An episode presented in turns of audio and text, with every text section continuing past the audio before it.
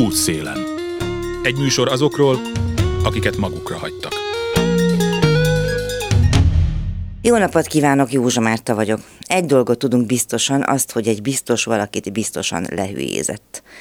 Nem azt, akire mi gondolunk, azt sem, akire azok gondoltak, akik hallották, és azt sem, akit éppenséggel lehetne hanem itten kontextuális hülyézés volt kiragadva a kontextusból, ennyi. Mondjuk a reális szövegösszefüggés, hogy lefordítsam magyarra az érvelés műszavát, az volt a bővítésért és szomszédpolitikáért felelős uniós vezető szerint, hogy ő az angol nyelven zajló közérdekű, a nyugat-balkáni bővítésről szóló meghallgatása közben magánügyben magyarul hülyézett. Úgyhogy bocs ide, nincs itt semmi látnivaló, mindenki így szokta. Kérdés továbbá, hogy hülyézni ördögtől való-e, hiszen közismert, hogy a kénkőszagú patás itt rejtőzik a részletekben. Ezt onnan is tudhatjuk, hogy a karmelitában is szükségét látták a védekezésnek. Annyi bajunk mellett legalább a brüsszelita sorosista ördögi megszállástól meneküljünk meg, és hát milyen szerencse, hogy akadt szakember a konzervatív szellemi holtudvarban. A James Blount ördögüzésre specializálódott atyával közös miniszterelnöki szelfi is tanulja ennek. Az egyházi méltóság nem először jár erre. Tavaly például egy magyarországi katolikus fesztiválon arról prédikált, hogy az Úr megmutatta neki, hazánkat a közeljövőben valamilyen támadás éri, ami azonban imával elhárítható. Nem tudom, hogy megkönnyebbülhetünk-e, elmondható-e, hogy ezt az attakot megúsztunk, vagy folytatni volna-e célszerű a harcot. Ha teológiai szempontból igen, akkor logikailag országunk megszállottnak tekinthető. Megnyugtató azonban, hogy a Vatikán pár éve elismerte az ördögűzés mindeddig vitatott gyakorlatát. Az is öröm, hogy a sátánt tevőlegesen távol tartó papitársaság egyik tagja szerint az ördögűzés egyfajta jótékonykodás, amely a szenvedők javára válik. Bele is remegett a szociálisan érzékeny lelkem. Na jó, ehhez biztos hozzátehetne ezt azt, ha élne, az a román apáca, aki belehalt az ördögűzésbe még 2005-ben. A gyógymód, laikusan sok terápiának is nevezhetnők, az volt, hogy lánccal keresztre feszítették, éheztették és halára kínozták. A kolostor főnöke nem látott kivetni valót a történtekben. Jó, persze az ő főnöke nem a Vatikánban van, de maga az ördög, ha nem tévedek, globálisan azonos. Ezért is fontos Blount atya eljövetele Orbán Viktorhoz, ahogy azok az uniós és közpénzmilliárdok is élet- és lélekmentők, amelyekből a Nemzeti Gázszerelő operatív együttműködésével épülő zarándokutak hálózata szövi át meg át Mária korrupciószáltak is középhatalmát. De ne kukacoskodjunk el, végre farsang van, látjuk áll a politikában is. Ahogy Bródi János is megénekelte, az ördögűzők gondba vannak, mert mindenhol áll a maszkabál. Hát biztos mi vagyunk hülyék, ha ezt értjük, és ha eltörjük. Útszélen. Dajka laboráns pedagógiai asszisztens, gyógypedagógiai asszisztens, könyvtáros, szabadidőszervező, pszichopedagógus, ápoló és rendszergazda. Ez kilenc olyan szakma, amelynek képviselői segítik a pedagógusok munkáját. A felsorolás nem teljes, de ők teszik ki a nagy részét azoknak a dolgozóknak, akik nem oktató-nevelő munkát végeznek közvetlenül, hanem segítik a pedagógusokat. Ha vannak mellettük, és ha vannak elegen. A Budapest Szakpolitikai Elemzőintézet a Civil Kollégium Alapítvány megrendelésére készített egy tanulmányt, amelyből nagyjából az derül ki, csak nem sehol sincs elég segítő munkatárs. Ha van is, a pedagógusokhoz hasonlóan mélyen alul fizetett. 2013-ban hoztak ugyan egy törvényt, amely előírja, hogy hány gyerekre hány. A jogszabályban NOKS-nak nevezett munkatárs alkalmazandó, de ez csak kivételképpen valósul meg. Arról nem is beszélve, hogy ez a létszám eleve alacsony, és soha senki nem vizsgálta felül a változó igényeket. És hogy mitől változó? Hogy csak két eseményt említsek, amelyek hatása jócskán lecsapódott az iskolákban, a világjárvány és a háború. Akár több százezer olyan gyerek lehet, akiknek a mindennapjaikban szükségük van plusz segítségre ahhoz, hogy ne traumatizáltan kerüljenek ki az iskolapadból. A lényeg, ma 30 ezer segítő munkatárs van. Ha az amúgy régen nem életszerű törvényt betartanák, akkor is másfélszer ennyire volna szükség. Ha pedig az életszerű igényeket néznénk, akkor négyszer ennyire. Mindezt a bőrén érzékeli Szécsi Magdolna szociális munkás, akinek a háború bevonult a mindennapjaiba. Most jelenleg az ukrán roma menekültekkel foglalkozom, segítem az életüket itt Magyarországon. És honnan jöttél, hol ez? Én Budapesten élek, és van két gyermekem, és most egy nagyobb ukránokat segítő szervezetnél dolgozom. Hogy kerülnek ezek az ukrajnai roma gyerekek Magyarországra? Mit kell róluk tudni? Gyakorlatilag menekülnek a, a, az ukrán háború elől, átjönnek Záhonynál, főleg Záhonynál. Nagy része beszél magyarul, de, de, de lehet, hogy semmilyen nyelv, nyelven, kizárólag roma nyelven tudnak beszélni. Azután vagy ott a Mátai Szeretett Szolgált, hogy fölkerülnek Budapestre, és akkor megtalálnak valahogy minket, mert ezeknek a roma ukrán menekülteknek nem igazán segítenek, de valahogy mindig megtalálnak minket civil szervezet szervezetet, akik főleg romáknak segítünk, és mi, mi segítünk nekik szállást keresni, mi segítünk nekik, hogyha sikerül őket elhelyezni, akkor az elén abszolút fogjuk a kezüket, hogy az ellátásaikat igénybe tudják venni, a tartózkodási engedélyüket meg tudják csinálni, mert annak feltétele, hogy az ellátásokat igénybe tudják venni, és ha tud egy picit stabilizálódni, és egy picit megnyugszik, akkor, akkor segítünk nekik. Tehát elsősorban az, hogy a gyerekek el tudjanak menni iskolába, és a, a szülő tudjon munkát találnia magának Magyarországon. Ugye velük több minden történik. Kezdjük ott, hogy átjönnek a határon. Nyilván a határ környékén is vannak azért menekült ellátó intézmények, ők ott miért nem tudnak becsatornázni?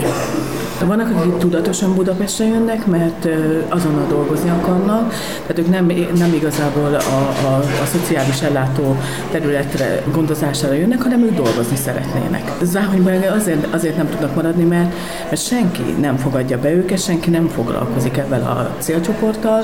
Tehát múltkor nem voltunk Záhonyban, bejött egy vonat, jött egy 400 fős ukrán menekült, onnan Ukrajnából, három része ukrán-ukrán volt, és az a, az a, az, ami maradt, az ukrán roma volt. És akkor köböl, tehát van rengeteg civil szervezet van len, meg ilyen magyar, bocsánat, nem roma befogadó, akik így a, a lakásaikba ezeket az embereket elszállásolták, vagy vannak nagyobb szervezetek, akik így elviszik ezeket az, a, az ukrán menekülteket, és hát igen, tehát a, a roma-ukrán menekülteket senki nem viszi el, senki nem szállásolja el. Öm, igazából nem is nagyon kapnak ilyen élelmiszercsomagot sem, semmit, csak maximum ilyen szelet, szeletelt kenyeret tejával. Úgyhogy családonként van négy-öt gyerek az anyuka körül, retteg, kétségbe van esve, soha nem jött még, talán még a másik faluig sem ment el, és most egy idegen országba jött, ahol azt gondolja, mivel rengeteg dezinformáció van, hogy őt fogadni fogják, mint ukrán menekültet mert Magyarországon, Magyarországon az a hír terjed, hogy igen, itt fogadják az ukrán menekülteket szívesen, és mindenféle támogatást kapnak. Ezek a romák egyébként jellemzően, vagy arányaiban, nem tudom persze, hogy mennyire lehet ezt tudni, de inkább kárpátaljaiak, vagy vannak a front környékéről származók is? Főleg Kárpátaljáról jönnek, mert hát igazából nagyon-nagyon félnek, tehát a nappali, tehát őket ugyanaz a fajta félelem fogja el, amit a, a mondjuk a, a háború környékéről érkezőket.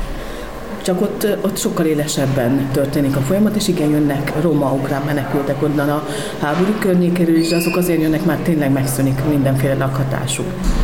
De nyilván meg én nekem tulajdonképpen az járt a fejemben, hogy menekülni is azt tudok, hogy legalább van valamennyi pénz ahhoz, hogy felszálljon egy vonatra, valamilyen módon tudja menedzselni magát, tehát elképzelhető, hogy egy Donbassi romának egyszerűen esélye sincs eljutni mondjuk Záponyba. Nincsen útlevelük, és az pénzbe kerül, és borzasztóan szegények, mint az ukrán. Útlevél nélkül nem jöhetnek át? Most már nem. Régebben átjöttek a keresztlevéllel, az egy ilyen anyakönyvi kivonatnak minősülő születési dokumentáció, most már nem, és az ukrán határátkelő helyen sem tudnak átjönni, és speciális útlevelet, tehát ezt a biomimetrikus útlevelet kell, hogy felmutassanak, és az magyarországi pénzben, tehát ez egy olyan 15-20 ezer forintba kerül, az neki. Ami az ő három havi jövedelmük, igen. Így van, az kb. egy ilyen három havi jövedelem, és akkor mindenkinek külön kell készíteni, tehát gyerekeknek is, és a szülőknek is külön kell, hogy legyen ilyen biometrikus útlevelük, csak úgy tudnak átjönni. Ezek a roma családok, meg gondolom főként családokról, vagy legalábbis anyákról és gyerekekről be tudunk beszélni,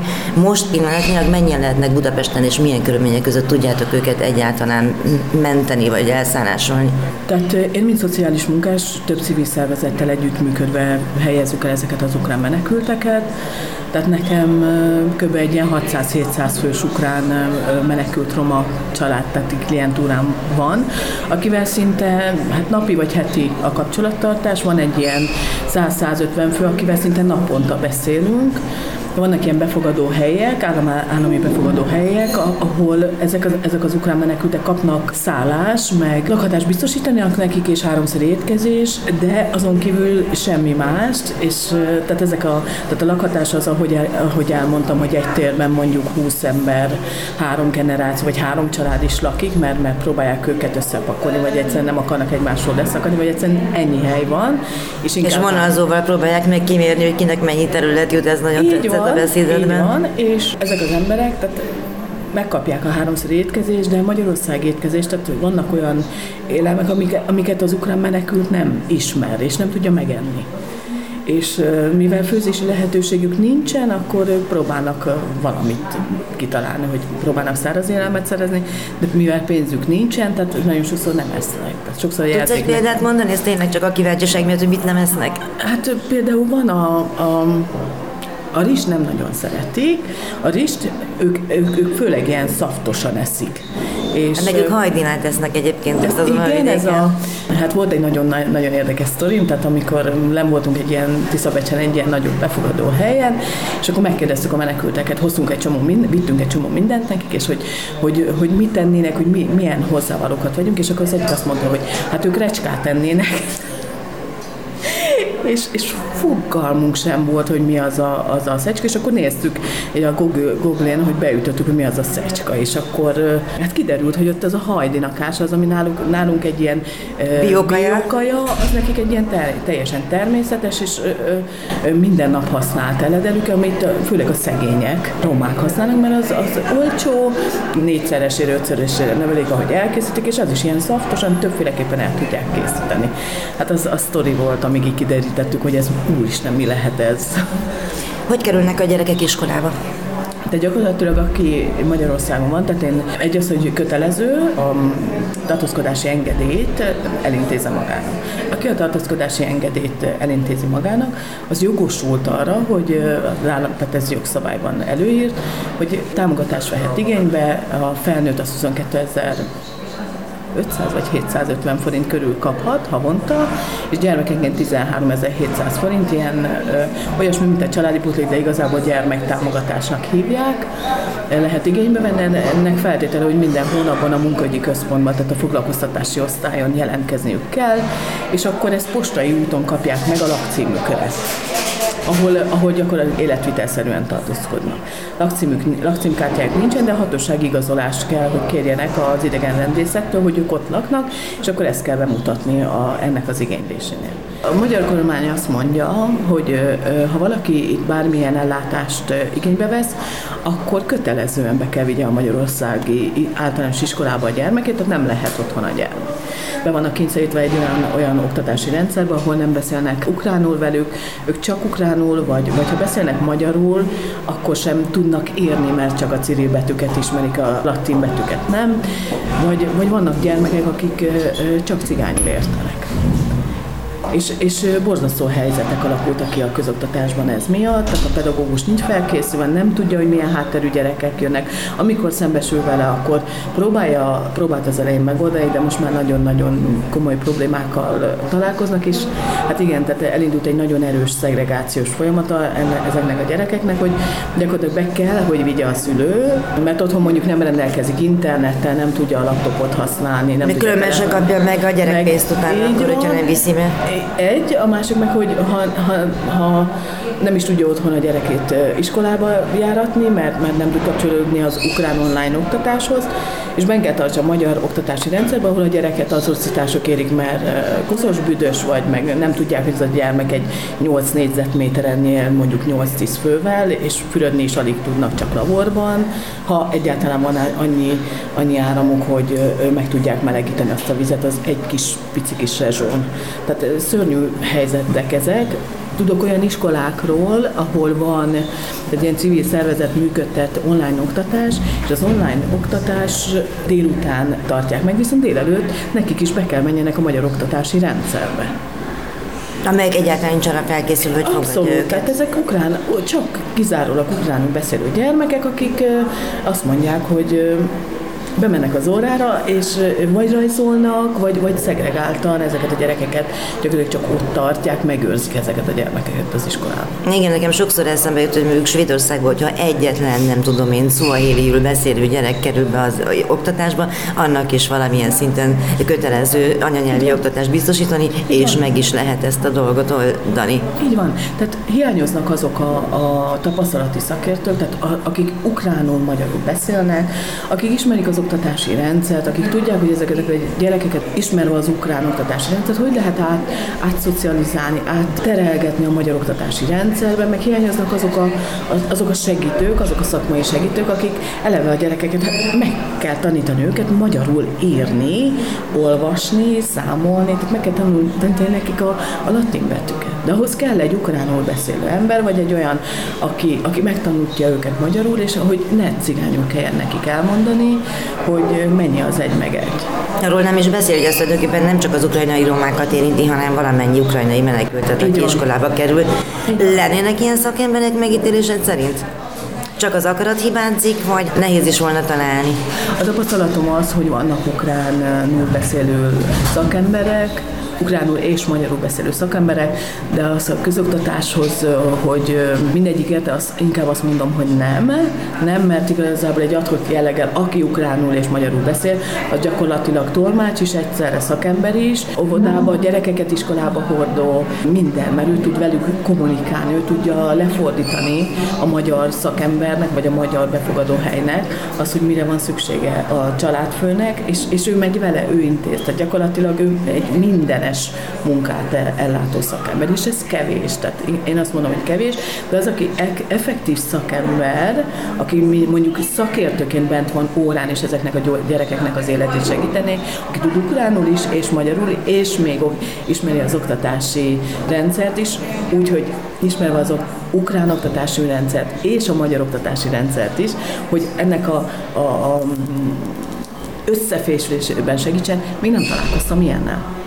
Hát igen, és ráadásul miután nem lesz holnap után vége a háborúnak, alig ha nem szükség lenne, tehát marha gyorsan el kéne kezdeni a képzést. Nagyon, hogy ezeket meg... volna, hogy a pedagógus munkáját segítsék ezek a szakértők, akik órán bent vannak ezekkel a gyerekekkel, és, és foglalkoznak velük, mert a pedagógus le van terhelve, jön egy ilyen gyerek, aki, aki csak rosszalkodni tud, mert unatkozik, mert úgyse érti, hogy a pedagógus mit mond, és, és közben a pedagógusnak meg természetesen elvárás, hogy, hogy tananyagot leadja a többi gyereknek, és nem tud tud haladni. Tehát borzasztóan nagy szükség lenne arra, hogy, hogy szakemberek legyenek terepen, és, és, és az iskolán is, iskolában is, akik segítik a pedagógusok és a gyerekek oktatásban való részvételét. Még két dolgot szeretnék kérdezni. Az egyik az az, hogy, meg, hogy milyen, hogy látod, milyen lelkiállapotban vannak ezek a gyerekek és felnőttek? Akik most jönnek át Ukrajnából, tehát elmernek indulni, el tudnak indulni, azok még ugyanúgy rettegnek, nagyon-nagyon kétségbe vannak esve. Mi a nyugati pályaudvaron is kim vagyunk, tehát nyugati és keleti pályaudvaron kimegyünk, és a bejövő ukrán menekülteknek információt és tanácsadást adunk. Sokszor eljönnek Ukrajnába, és nem tudják, megkérdezik tőlünk, hogy milyen országban vannak most jelenleg. Amikor bekerülnek egy olyan befogadó helyre, ahol be vannak fogadva, hogy ezek a gyerekek, gyerekek felnőttek ilyen pszichoszociális segítségben részesüljenek, ezt tehát a magyar állam részéről nem nagyon látom ilyen típusú szolgáltatást, vagy nagyon-nagyon-nagyon kevés szakember jelenlétét ezen a területen.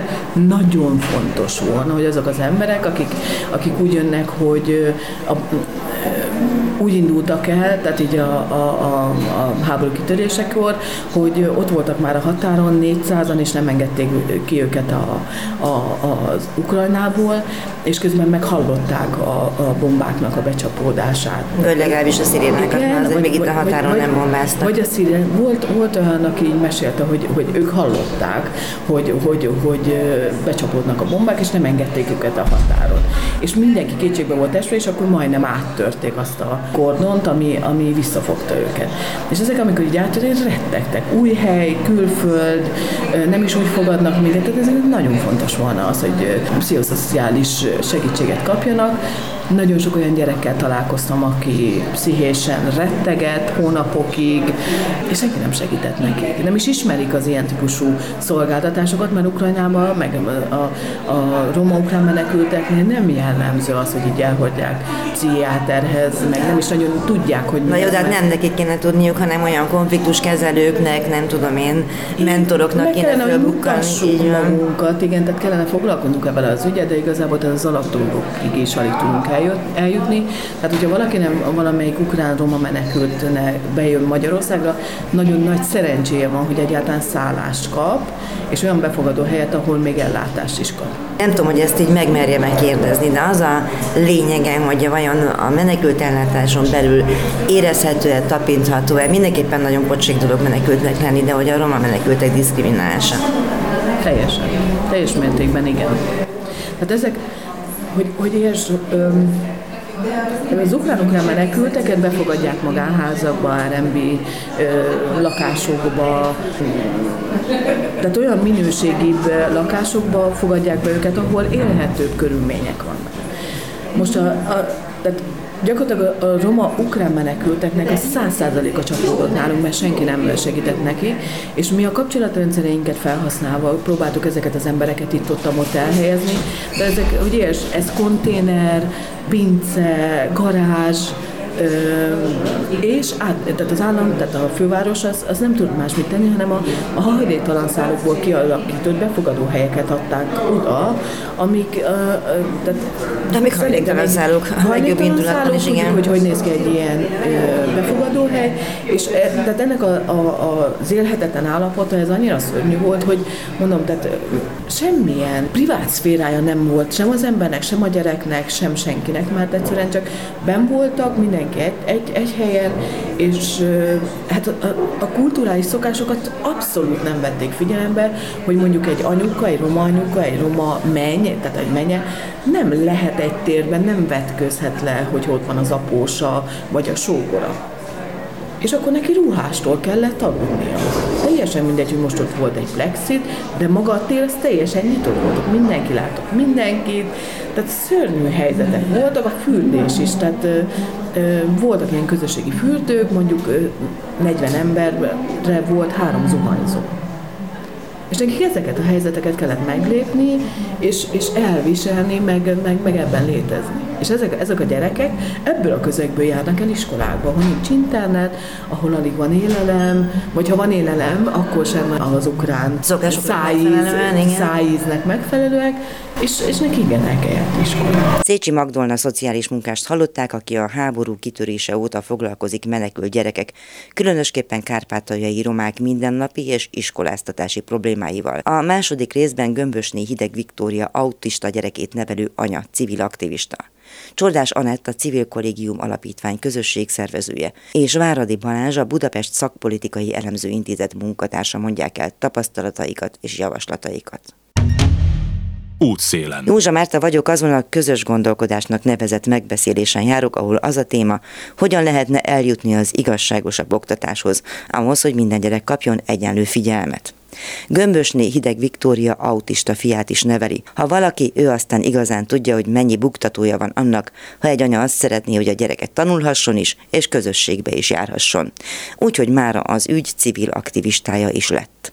Sokat magával szeretné elérni azt, hogy minél több szakmai és civil segítő lehessen a pedagógusok között, akik segítenek a mindennapi problémák leküzdésében, és hozzátesznek valamit az inspiratív iskolai élethez. Ez a kezdeményezés, ez mennyire tartod optimista kezdeményezésnek, amiről itt beszélünk? Tehát az, hogy mindenféleképpen kéne mindenkit asszisztensekkel és szándékkal és szemléletváltással segíteni. Én minden ilyen kezdeményezéshez optimistán állok, és számomra ez, ez a cél, az elérendő cél, tehát hogy mindent meg fogok én magam is tenni, hogy egyénileg is hozzájáruljak, hogy ez így alakuljon, illetve mivel én tíz éve foglalkozom a gyerekem autista fiam érdekvédelmével és érdekérvényesítésével a közoktatásban, úgy gondolom, hogy nincs más, tehát a tapasztalataim szerint nincs más megoldás. Ez a legfontosabb, hogy ez a, az asszisztensi állások, ezek létrejönnek a közoktatásban, hogy minden gyerek megkaphassa számára megfelelő segítséget. Ez a tíz évben nagyjából történelem, hogy látod, hogy ezzel volt-e valamilyen szemléletváltás helyi szinten, illetve országos szinten, érte mondjam azt, hogy társadalmi szinten? Én abban hiszek, és tapasztalatból is ezt tudom alátámasztani, hogy csak alulról jövő kezdeményezések fogják elérni a céljukat, hiszen mi itt az érintettek és a szakemberek látjuk legjobb, hogy mire lenne szükség, és hogyha ezt mi végig tudjuk vinni, és mi hitelesen tudunk az ügyek mögé állni, és meg tudunk mindent mozgatni, akkor abszolút ebbe hiszek, hogy ennek elér, el, elérjük a célját, és akár én azt mondom, hogy a közoktatási rendszer átalakításához mi jelentősen hozzá fogunk tudni járulni. Te magad honnan tanultad? Ez gyakorlatilag egy szakma, hogyha jól veszem észre most már számodra legalábbis. Tehát, hogy honnan tanultad ezt a dolgot, kitől tanultál többet? Hát itt gyakorlatilag a, a gyermekem által, tehát tényleg tapasztalati szakértővé váltam egy autista gyerek nevelése közben, és illetve a, a közoktatási rendszerbe való beillesztése, a pedagógusainak a támogatása mellett, mert ezt szerintem nem lehet úgy megtanulni, tehát akár így egyetemi szinten, hanem ezt mindig tényleg a tapasztalatból, meg a saját bőrén érzi az ember, hogy, hogy melyik utakat lehet választani, és mit kell, mit kell egy új utat kijárni ahhoz, hogy valamilyen esélye legyen a gyereknek a, a mai közoktatásban, amit tudjuk, hogy az átlag gyereknek se jó, és az alulfinanszírozottság jellemzőre. Hát igen, meg te magad mondtad itt korábban, hogy neked már az is eredmény volt, hogyha tudtad, hogy melyik úton megy végre, tehát amikor végre megmondták, hogy ez a sajátos nevelési igényű gyerekenek tulajdonképpen mi az útja, vagy mi a jövendője. Igen, tehát szerintem nagyon fontos, hogy az, mi, mi is objektíven azért tudjunk itt a szubjektív szülői hozzáállásunk mellett ebben az ügyben megjelenni, meg képviselni a gyerekünket, hogy lássuk, lássuk a problémák okát. Tehát először ezt, ezt gondolom, hogy mindenki a saját gyerekével gyerekével szemben legyen egy kicsit objektív, tehát tanulja meg az objektivitás, hogy miben tud valóban segíteni, mi az igazi segítség, és akkor tud mellé állni, és akkor tud akár támogatókat, és, és azt mondom, hogy szövetségeseket találni a közoktatásban, hogy valamilyen szinten boldoguljon a gyerek. De meg ellenállást is tapasztaltok, gondolom nem egyszer. Mi tipikus mondjuk pedagógusi hozzáállás Igen, ahhoz, tehát... hogy ilyen gyerek bekerül az iskolába?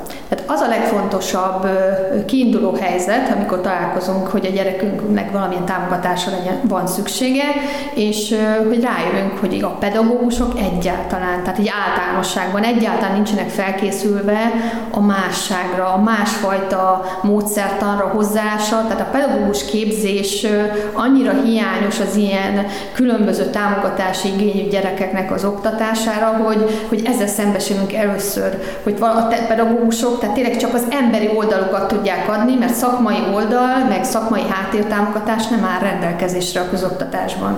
És ellenkezés? Abszolút tapasztalatos, pont ebből fakad, hogy a pedagógusnak két alapvető reakció van, hogy, hogy mikor szembesül a helyzettel a szülőtől vagy a fejlesztő szakembert, hogy ez a gyerek milyen támogatásra van szüksége, akkor van az, hogy ő ehhez nem ért, tehát hogy felfedezi magába azt, hogy ehhez nincsen se tudása, mondjuk esetleg se érzéke, akkor két dolog lehet, hogy vagy segítséget kér, vagy azt mondja, hogy ő ezzel nem tud mit kezdeni, és elutasít, és próbálja azt, hogy ez a gyerek mondjuk kikerüljön abból a közösségből, ahol ő a pedagógus, vagy pedig az van, hogy az emberi, a saját emberi egyéniségéből adódóan, az empátiából adódóan azt mondja, hogy jó, nem értek hozzá, tényleg nem tudok most ebben a pillanatban mit kezdeni, de akkor nyitok, befogadom a tudást, elfogadom azt a segítséget, amit a, a szülő vagy a fejlesztő felajánl. Már pedig ilyenek azért vannak, és sokszor éppen az az akadály, hogy nem engedik be az ajtón. Így van, tehát hogy nagyon sokszor ö, alapvető, nagyon kis pici segítségek is sokat ö, segíthetnek a gyereknek, a közösségnek, meg a pedagógus munkájának. Meg a szülőnek. Is. A szülőnek. Tehát mindenkinek az, hogyha elfogadjuk azt, hogy léteznek megoldások, és nagyon sok minden persze pénz kérdése, hogy mennyire tudnak szakembereket ö, finanszírozni, vagy módszertani képzéseket finanszírozni a pedagógusoknak, de az alapvető a hozzáállás, hogy én elfogadom meg, hogy már már vannak létező speciális tananyagok vagy módszertanok, amit nyilván az a fontos itt még a, a hozzáállásnál, hogy ez a pedagógusnak a, a saját idejéből veszel, a szabad idejéből, ha tovább szeretné képezni magát, hiszen a, az alap munkaidőjében nem fér bele az, hogy egy ilyen esenés gyereknek a külön dolgaival foglalkozzon. Tehát, hogy az ellenállások a leginkább az, hogy ez bele kéne egyébként, mert egy normál iskolában ez beleszámítják a pedagógus munkaidejébe, hogy mindenféle gyerekkel foglalkozik. Így van, csak én azt látom, hogy mert tényleg tíz éve pedagógusok között élek, illetve próbálok kommunikálni, hogy tényleg valóban annyira emelkedtek az adminisztrációs terhei, hogy minden, ami, ami plusz, tehát ami, ami nem azzal függ, hogy ő bemegy az osztályba és letanítja az adott tananyagot, az egy, nagyon sok minden plusz az adminisztráció, minden, az a saját idejébe is át fog lógni. Tehát, hogy ő arra már Hát normál viszonyokat emlegetem, nem a mostaniakat. Igen, tehát hogy gyakorlatilag egyszerűen tényleg én azt, én azt mondom, hogy a legegyszerűbb dolog, ami, ami jellemzi a magyar, hogy általánosan a pedagógusra, tényleg, hogy nagyon egy-két év alatt, ami, ami iszonyatos szembesülés, hogy ki lehet égni, le lehet fáradni annyira, hogy a, a legegyszerűbb módja az ellenállás legyen, hogy egy támogatásra szoruló gyereknek segítsünk. Magyar társadalom mennyire van tudatában annak, hogy van ez a probléma? Nagyon sok gyereket érinthet, és ezáltal még több családot.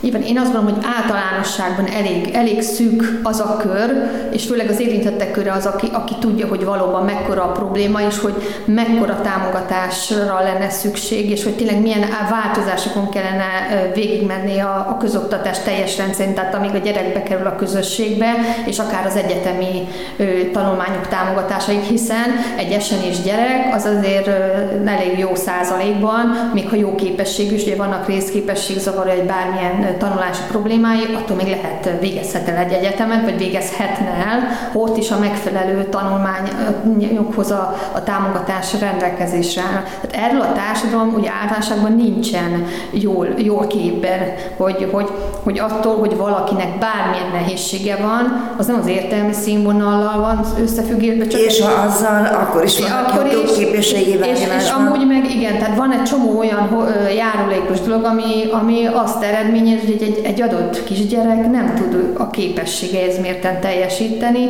és ez, ezhez képest a társadalmi szinten szerintem minden család érintett, mert biztos mindenkinek van olyan rokona, aki, aki ha nem is esen is, de valamilyen szinten támogatásra szorul, vagy nem jól teljesít a közösségben valamilyen ö, ö, szinten, és hogy mégsem értik meg, hogy ennek az az oka, hogy az a kisgyerek nem kapja meg azt a fajta másféle segítséget, amire szüksége lenne ahhoz, aminek a többi gyereknek alapból nincsen, vagy, vagy, vagy a többi gyerek megkap egyfajta támogatást, egy ilyen átlagos elvárásoknak megfelelő támogatást. Azért irigykedve beszélnek arról az iskoláról, ahol te gyereked jár, vagy járt, nem jár, jár még, ugye?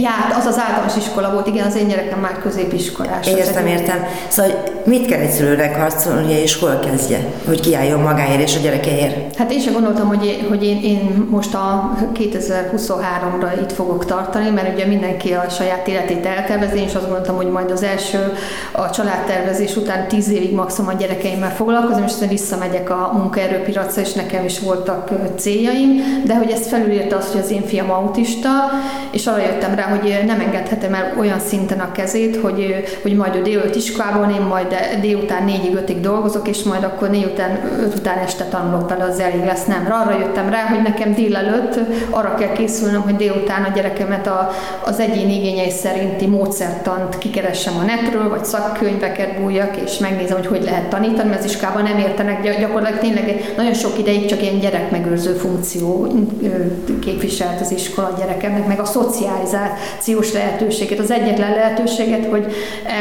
elsajátítsa. Találkozzon gyerekekkel. És, és, és beilleszkedjen a társadalomban. Tehát ez a, ez a jövő kulcsa, az ő jövőjének a kulcsa, hogy ő beilleszkedjen közösségbe. Tehát erre volt jó az iskola, hiszen sem módszertan, sem megfelelő hozzáállás nem volt, amit én közben kialakítottam, mert egy, egy, egy olyan iskolavezetés volt, ami nyitott volt arra, hogy egy, ezzel a nehézséggel szembenézjen, és megpróbáljon velem együttműködni, hogy az én gyerekem megkaphassa legalább azokat a minimális specifikus támogatásokat, ami akkor nem volt. Tehát, hogy tudtam megfelelő autizmus specifikus gyógypedagógust javasolni, akit aztán felvettek, aki a, otthon a gyerekem magán fejlesztője volt, akkor olyan, olyan nyitott hozzáállás volt a, a tanítók részéről, hogy ők is befogadták kaptak egy-két ilyen pályázati lehetőséget a Báci főiskolának egy programját, ami a közösségi elfogadás segíti. Tehát ez egy kellő nyitottság kellett a pedagógusok és az iskola vezetés részéről. De ehhez én ott voltam a háttérben, aki mindig vittem neki, hogy mikor, milyen szakember kéne, milyen pályázaton kéne részt venni,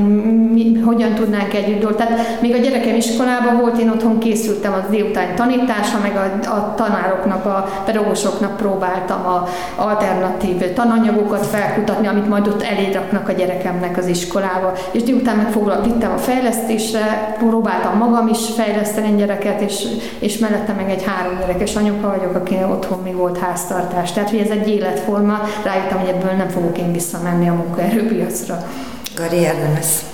Igen, hát most, most az, az lesz a mostani karrierem csúcsa, ha tényleg én hozzá tudok ahhoz járulni, hogy ebben a közoktatás rendszerben, aminek most ugye látjuk a napokban, a, a, az elmúlt évben, nem is a napokban, hogy, hogy itt tényleg most már egy társadalmi szintű igény kezd megfogalmazódni, hogy változtatni kell, hogy legalább ott legyen, ott legyen a, az autizmus spektrum zavaros gyerekek közoktatásának a megszervezése, mert rendszer szinten nincsen semmi útszélen. Csordás Anett, a Civil Kollégium Alapítvány közösség szervezője, vele a múlt héten beszélgettem. Az oktatás igazságos tételéhez szükséges ötleteket, gondolatokat és cselekvési irányokat összegyűjtő megbeszélést hosszú munka előzte meg. Ez erősítette meg abban a meggondolásban, hogy lényegében mindannyiunk érdekét képviseli. Körülbelül 200-250 interjút, kapcsolatépítő, mi így hívjuk szakmailag, hogy kapcsolatépítő beszélgetést végeztünk az oktatásban érintetteknek, hogy ez onnantól kezdve, hogy például például beszéltünk Radó Péter oktatáspolitika elemzővel, vagy Herzog Mária szociológussal, onnantól kezdve beszéltünk hétköznapi szülőkkel, akinek általános iskolába jár a gyerekük, vagy olyanokkal, akiknek óvodába jár, de beszéltünk vidéki szülőkkel, olyanokkal, sok olyan szülővel, akinek sajátos nevelési igényű a gyereke, beszéltünk olyanokkal, akiknek valahonnan menekültek, vagy bevándorlók a gyerekeik, és sok olyan szülővel beszéltünk, akik romák voltak, és akik, vagy hát akik romák, és akik hát sok-sok hátrányt szenvednek a mai oktatási rendszerben. És ebből a sok-sok beszélgetésből, és voltak találkozóink is vidéken is, és, és Budapesten is, és ebből a sok-sok találkozóból tulajdonképpen egy probléma térképet állítottunk össze, amit aztán egy körülbelül olyan 30 fős, 25-30 fős, fős szintén érintetti csoporttal elkezdtünk szétszedni, átgondolni, és tulajdonképpen ilyen ügyekké alakítani, tehát olyan jól megfogható, közérthető ügyekké, amikben aztán úgy gondoljuk, hogy, hogy változást lehet elérni. Természetesen azért Magyarországon nem olyan egyszerű. Ez az egyik ilyen, ilyen fontos dolog, hogy ugye azt szeretné, minden szülő azt szeretné, hogy a, hogy a gyereke boldog gyerekkort érjen meg, hogy olyan iskolába járjon, ahol minőségi oktatást kap, ahonnan majd tovább tud tanulni, vagy olyan, olyan foglalkozást tud választani, amiben kiteljesedhet. De sajnos Magyarországon most azért nagyon sok gyerek, vagy a gyerekeknek a jó része, ezt kevésbé kapja meg. Oka ennek például az, és hát nem véletlenül van most az oktatási mozgalom, hogy a pedagógusok túlterheltek, és például az egyik ilyen ügy volt az, hogy, hogy megnézzük azt például, hogy hogyan lehet a pedagógusoknak a terheit csökkenteni, és hogyan lehet a, a, az iskolai osztályokba olyan segítőket, akik már egyébként léteznek a nevelés-oktatás közvetlenül segítőket, esetleg bevonni a, a, a pedagógiai munkába, akik segíthetik, akik hozzájárulhatnak ahhoz, hogy a pedagógusoknak a terhei csökkenjenek, és a, a gyerekek viszont a, a saját igényeiknek megfelelően tudjanak tanulni. Útszélen. A saját igényeknek megfelelő tanuláshoz sok segítő szakemberre van szükség, és ezek egy részét törvény is lehetővé teszi. Csak hogy más a papír és más a valóság. Váradi Balázs a Budapest Szakpolitikai Elemző Intézet munkatársa. Egyik szerzője annak a tanulmánynak, amelyet a Civil Kollégium Alapítvány rendelt meg. Arra a kérdésre keresték a választ, hogy mennyi pénzre és mennyi szakemberre volna szükség ahhoz, hogy megfelelő számú és bérezésű, a nevelés oktatást közvetlenül segítő, de nem pedagógusi munkatört betöltő dolgok dolgozók lehessenek jelen az iskolákban. Gyakorlatilag ezzel a kérdéssel, amit itt kutattatok, azzal magatoktól, vagy megkerestek, vagy hogy találkoztatok? Kifejezetten megkeresett minket a, a CKO és Csordás Anat, akit máshonnan régül ismertünk, hogy hogy kellenének ehhez a témához, amivel foglalkoznak. számok, forintok, mennyibe, mi mennyibe kerül erre kell olyan meggyőző válasz, amit a szakértő adott, és mondtuk, hogy örömmel megpróbálom. Tehát arról beszélünk, hogy nagyon sokat segíteni az oktatás rendszerének az, hogyha asszisztensek és különböző témákra képzett asszisztensek dolgoznának a gyerekekkel, és ehhez viszont számokat kéne rendelni. Vannak számok, tehát van, amiből kiindulni, van, ahol már elkezdődött valami? Vannak számok, a magyar oktatás statisztikából meg lehet állapítani azt is, hogy hány pedagógiai asszisztens, gyógypedagógiai asszisztenst, dadát, könyvtárost, iskolapszichológust alkalmaznak most a magyar iskolák, és a rendeletből azt is meg lehet állapítani, hogy mennyit kellene, hogy alkalmazzanak, és azt is nagyjából tudjuk, hogy mennyit keresnek ezek a dolgozók. Akkor kezdjük ott, hogy mikor hozták ezt a rendeletet. Ez egy 2013-as rendelet aminek a tapasztalata, a kutatásai, a háttere, a nem tudom én, azokat elvégezte valaki? E, tudtommal ebben kapcsolatban nem született Magyarországon államilag megrendelt, vagy kutatóktól, csak úgy maguktól e, megírt e, tanulmányelemzés e, egyáltalán eddig. És ti magatok találkoztatok ilyen emberekkel, akik ezt a munkát végzik, akik ezt igénylik, vagy akik ezt artikuláltan tudják, hogy kéne nekik? Hát ugye mi, mi közvetlenül nem foglalkoztunk avval, hogy felmérjük, hogy hogy néz ki ezeknek a szakembereknek a helyzete. Nyilván azért mi is csináltunk néhány interjút, mert nem álltuk meg, hogy ne beszélgessünk ilyen emberekkel, de alapvetően az volt a fölállás, hogy a CKA maga megszervezi azoknak a a hangot ad azoknak, akik ezt látják a terepen, és elmondja azt, nem csak azt, hogy, hogy hol szorít a cipő, hanem azt is, hogy szerintük mennyi ilyen szakemberre lenne szükség ahhoz, hogy a valós igényeket, a valós különböző szükségletekkel az iskolába kerülő gyerekeket lehessen hatásosan segíteni ezeknek a szakembereknek. És mekkora ez az olló? Az olló nagy. Az olló nagy, azt számoltuk ki, hogy ha csak, ha csak betöltenék az iskolák azokat a státuszokat, amiket a rendelet előír, és amiket részben azért nem tudnak betölteni, mert nem elég magasak a fizetések, akkor is 30-40-50 százalékkal többet kellene erre a dologra költeni, ha pedig tényleg annyi szakembert vennének fel az iskolák, amennyi amennyire szükség lenne, amennyire ezt meg lehet ítélni, és azokat úgy megbecsülnék, ahogy az ilyenfajta munkakörben nem az iskolákban dolgozó szakembereket megbecsülik, akkor akár háromszor, négyszer annyi pénzbe is belekerülhetne ez a költségvetésnek, mint amennyit most ilyen szakemberekre fordít, de ez a pénz, és ezt nyilván nem a mi dolgunk megítélni, abszolút jó helyre kerülne a magyar oktatásban. Igen, tehát itt kétféle pénzügyi dolog is lehet, gondolom én. Az egyik az, hogy a meglevő asszisztensek fizetése szabad szemben alig látható, tehát gyakorlatilag azt is növelni kéne, és egyetlen a, a pozícióknak a számát, vagy hogy mindjárt státuszok számát. Abszolút, ez mind a kettő igaz. Az is igaz, hogy közben az inflációval is valószínűleg emelni kéne. Az is igaz, hogy, és ez bizonyos szempontból örömteli dolog, hogy egyre inkább diagnosztizálják azokat a gyerekeket, akiknek speciális igényeik vannak, és akiknek az integrálásához, oktatásban való fejlesztéséhez nagyon-nagyon jó jönnek ezek a szakemberek. Tehát egyre több gyerek van, aki, akiről látszik is, hogy ilyen segítségre van szükség. És megy előre a világ, tehát itt olyan státuszokról is szól van, mint rendszergazda, mint könyvtáros, mint különböző szervező szakemberek, tehát hogy egy, egy, egy jól működő iskolához a 21. században nem csak jól képzett pedagógusok, hanem egy csomó más gyerekekkel dolgozó szakemberre is szükség van, és ezt mintha a magyar állam nem magától nem nagyon venné észre, és nem nagyon lépne ebben kapcsolatban. Pedig nem kell hozzá spanyol viasz, azért látjuk, hogy a világban számos iskolában működnek, és azt is látjuk, hogy számos olyan iskola van, ahol teljesen más hátterű gyerekek tudnak együtt tanulni. Lehet legyen az menekült gyerek, vagy nem tudom én, bármi egyéb. Ugye az, hogy mennyire hiányát szenvedi a magyar oktatási rendszer ilyenfajta szakembereknek, azt akkor tapasztalja meg az ember, ha a gyermeke egy kicsit is eltér a jól szocializált, jó háttérrel jövő, a magyar közoktatás hagyományos rendszerébe beleillő státuszba, akár azért, mert más nyelven beszélnek otthon, akár azért, mert diszlexiás, akár azért, mert valamilyen viselkedési problémája van. És akkor vagy kiderül, mondjuk roma. Vagy mondjuk, vagy mondjuk roma és akkor rögtön kiderül, hogy a, hogy a magyar oktatási rendszer, a magyar állami oktatási rendszer nincs igazán felkészülve ezeknek a gyereknek a differenciált tanítására, tanulására, fejlesztésére, és ez egy sokdimenziós probléma, de az egyik dimenziója az, hogy nincs elég olyan szakember, aki a pedagógusokon túl, a pedagógusokat segítve, a pedagógusok mellett tudna ezekkel a gyerekekkel dolgozni.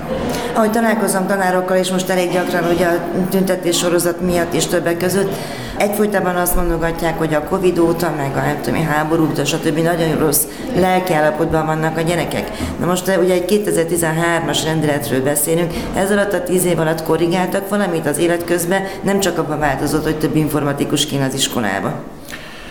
Nem, ezen a téren ezek a rendeletek, ezek a létszámok, ezek a hány száz gyerek után hány egy egész vagy fél státusz jár az iskolának, ezek 2013 óta nem változtak. Holott? Holott már akkor is kevés volt, és valószínűleg most sokkal inkább, még inkább szükség lenne ilyen szakemberek. És ez a kezdeményezésnek látod a, hát hogy mondjam, a reményét, vagy optimista vagy ebben a kérdéskörben? Én drukkolok, mint, mint magánember, és mint kutató pedig igyekszem segíteni. A műsor első részében Szécsi Magdolna szociális munkás avatott be a menekült gyerekek, különösképpen a kárpátaljai romák mindennapi és iskoláztatási problémáiba.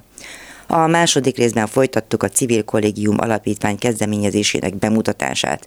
Itt Gömbösné Hideg Viktória autista gyerekét nevelő anya és civil aktivista, Csordás Anetta Civil Kollégium Alapítvány közösségszervezője és Váradi Balázs a Budapest Szakpolitikai Elemző Intézet munkatársa értékes gondolatait hallották. A műsor a www.clubradio.hu, illetve a podcast felületeinken hallgatható vissza. Leveleiket a józsa.mártakukac.clubradio.hu címre küldjék. Figyelmüket köszönöm, várom önöket a jövő héten is. Józsa Mártet hallották.